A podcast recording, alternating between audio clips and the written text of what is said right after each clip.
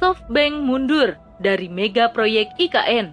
Begini cara Hilafah membangun ibu kota baru oleh Miladiah Al-Kiptiah.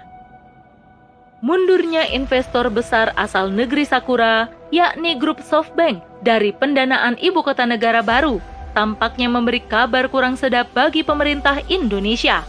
SoftBank mengonfirmasi bahwa perusahaannya tidak akan berinvestasi pada pembangunan mega proyek ibu kota negara. SoftBank menyampaikan keputusan itu pada Jumat, 11 Maret 2022. Melansir Tempo.co, Ketua Tim Komunikasi Ibu Kota Negara atau IKN, Sidik Pramono, menanggapi hengkangnya SoftBank dari proyek Ibu Kota Baru. Sidik menyatakan bahwa pemerintah tetap akan mengandalkan pendanaan mega proyek ibu kota di Penajam Pasir Utara, Kalimantan Timur dari berbagai sumber. Sidik berujar komitmen pihak investor atau pihak di luar pemerintah perihal pembiayaan IKN memang masih dalam tahap awal. Hengkangnya SoftBank dari proyek ini semakin menguatkan kecurigaan publik terhadap pemakaian anggaran belanja negara untuk IKN. Lantas, mengapa salah satu investor besar memilih mundur berinvestasi dalam pembangunan mega proyek IKN Indonesia? Mundurnya SoftBank, yakni perusahaan modal Ventura asal Jepang, dari proyek pembangunan ibu kota negara baru di Kalimantan Timur, disinyalisasi telah memiliki masalah keuangan internal, khususnya di masa pandemi.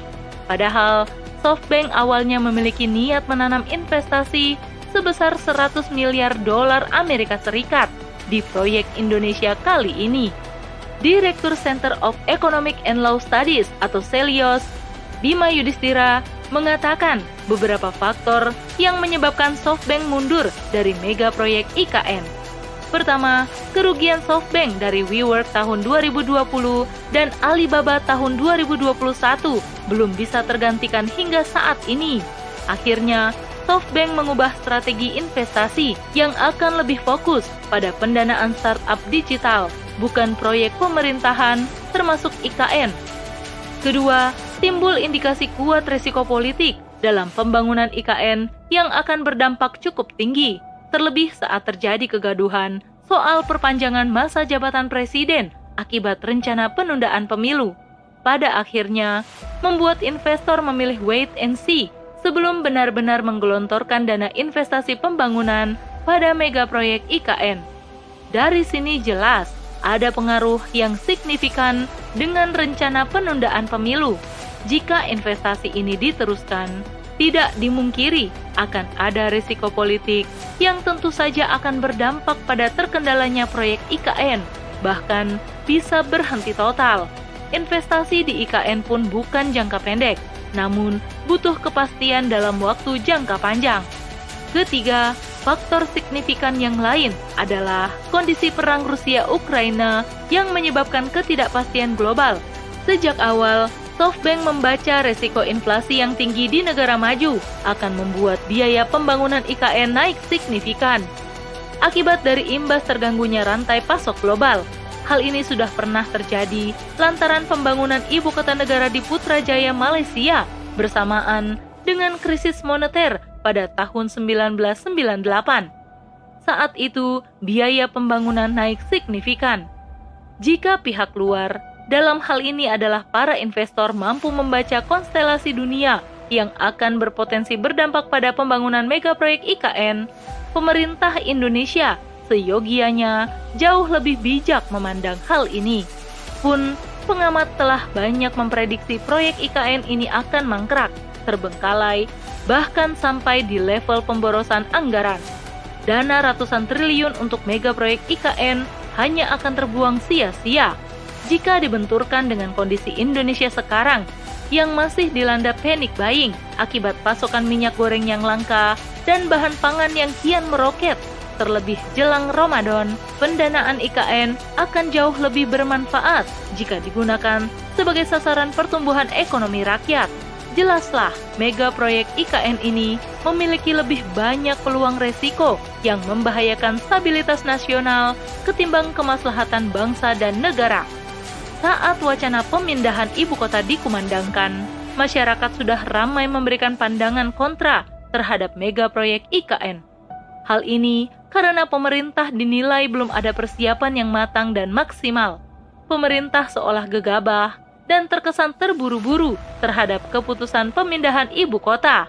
Selain itu, masyarakat menilai pemerintah kurang terbuka, kurang bersosialisasi kepada masyarakat luas terkait kebijakan IKN.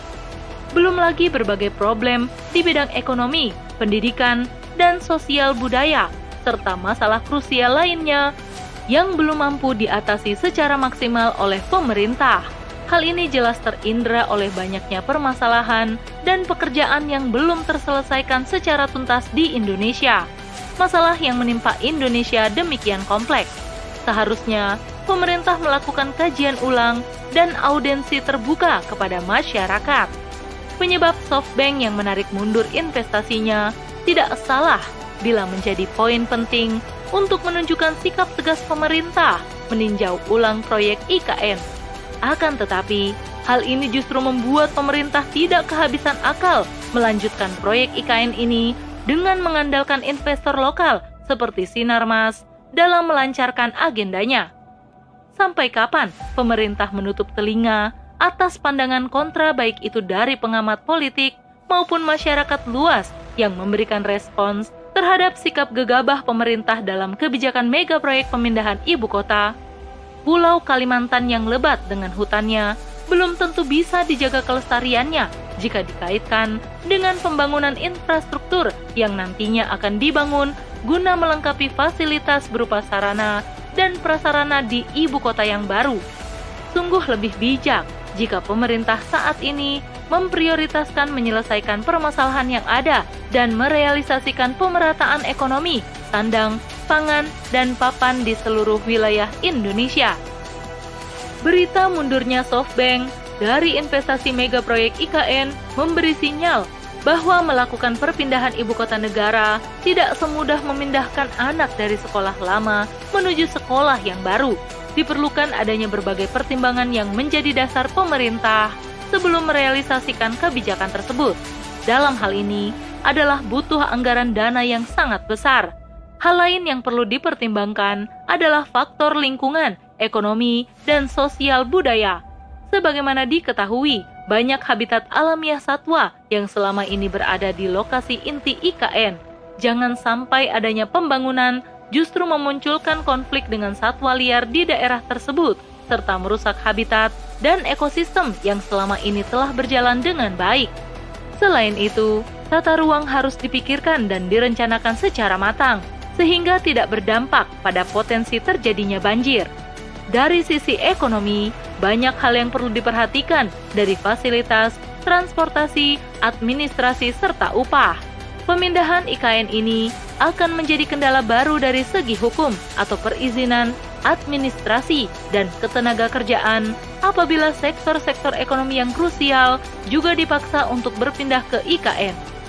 Berkaca dari sejarah keemasan Islam ada sebuah model ideal yang selayaknya menjadi contoh pembangunan kota baru untuk menjadi pusat IKN, yakni pembangunan kota Baghdad yang menjadi ibu kota pada masa Khilafah Abbasiyah. Di awal-awal pemerintahannya, dasar-dasar ekonomi dan keuangan negara diletakkan dengan baik dan terkendali oleh Khalifah Abu Ja'far al-Mansur. Tidak pernah dijumpai defisit anggaran besar-besaran di kawasan Baghdad Baitul Mal yang merupakan tempat penyimpanan kas negara selalu penuh. Pemasukannya pun selalu konsisten lebih banyak daripada pengeluaran. Pada masa itu, ibu kota negara yang semula berada di Al-Hashimiyah dipindah ke kota Baghdad, dekat bekas ibu kota Persia oleh Khalifah Al-Mansur. Khalifah melakukan pemindahan ini tidak lain untuk memantapkan dan menjaga stabilitas negara Abbasiyah yang baru berdiri kota yang dibangun oleh Khalifah Abu Ja'far al-Mansur benar-benar memenuhi semua aspek kelayakan, mulai dari perencanaan, pertimbangan politik, pertahanan, dan keamanan, arsitek dan tata ruang kota, ekonomi dan kemaslahatan rakyat, hingga anggaran pendanaan pembangunan ibu kota Baghdad. Pada masa itu, Khalifah Al-Mansur melakukan konsolidasi dan penertiban pemerintahannya di lingkup pemerintahan, beliau membentuk tradisi baru dengan mengangkat wazir atau perdana menteri sebagai koordinator dari kementerian yang ada.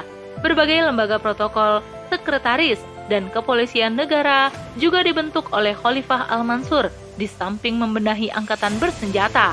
Beliau juga meningkatkan jawatan pos yang sudah ada sejak masa Bani Umayyah. Jawatan pos ditugaskan oleh Khalifah Al-Mansur untuk menghimpun semua informasi di daerah-daerah sehingga administrasi kenegaraan dapat berjalan dengan lancar. Beliau juga menugaskan kepada Direktur Jawatan Pos untuk melaporkan tingkah laku gubernur daerah-daerah itu. Selain itu, Khalifah Al-Mansur juga memantapkan keamanan di daerah perbatasan. Selama masa pemerintahan Khalifah Al-Mansur, kekuasaan Bani Abbasiyah semakin luas dan kekuatannya juga semakin bertambah. Bahkan, ilmu pengetahuan dan budaya juga berkembang pada masa pemerintahannya. Sejarah telah membuktikan keberhasilan Khalifah Al-Mansur yang mampu mendanai pembangunan ibu kota Baghdad tanpa melibatkan investor baik lokal maupun asing, apalagi memupuk utang. Pada saat itu, Khalifah Al-Mansur membangun kota Baghdad hanya menghabiskan dana sekitar 3,88 juta dirham dengan sistem pengelolaan harta sesuai syarat. Khilafah Abbasiyah mampu menyejahterakan rakyat.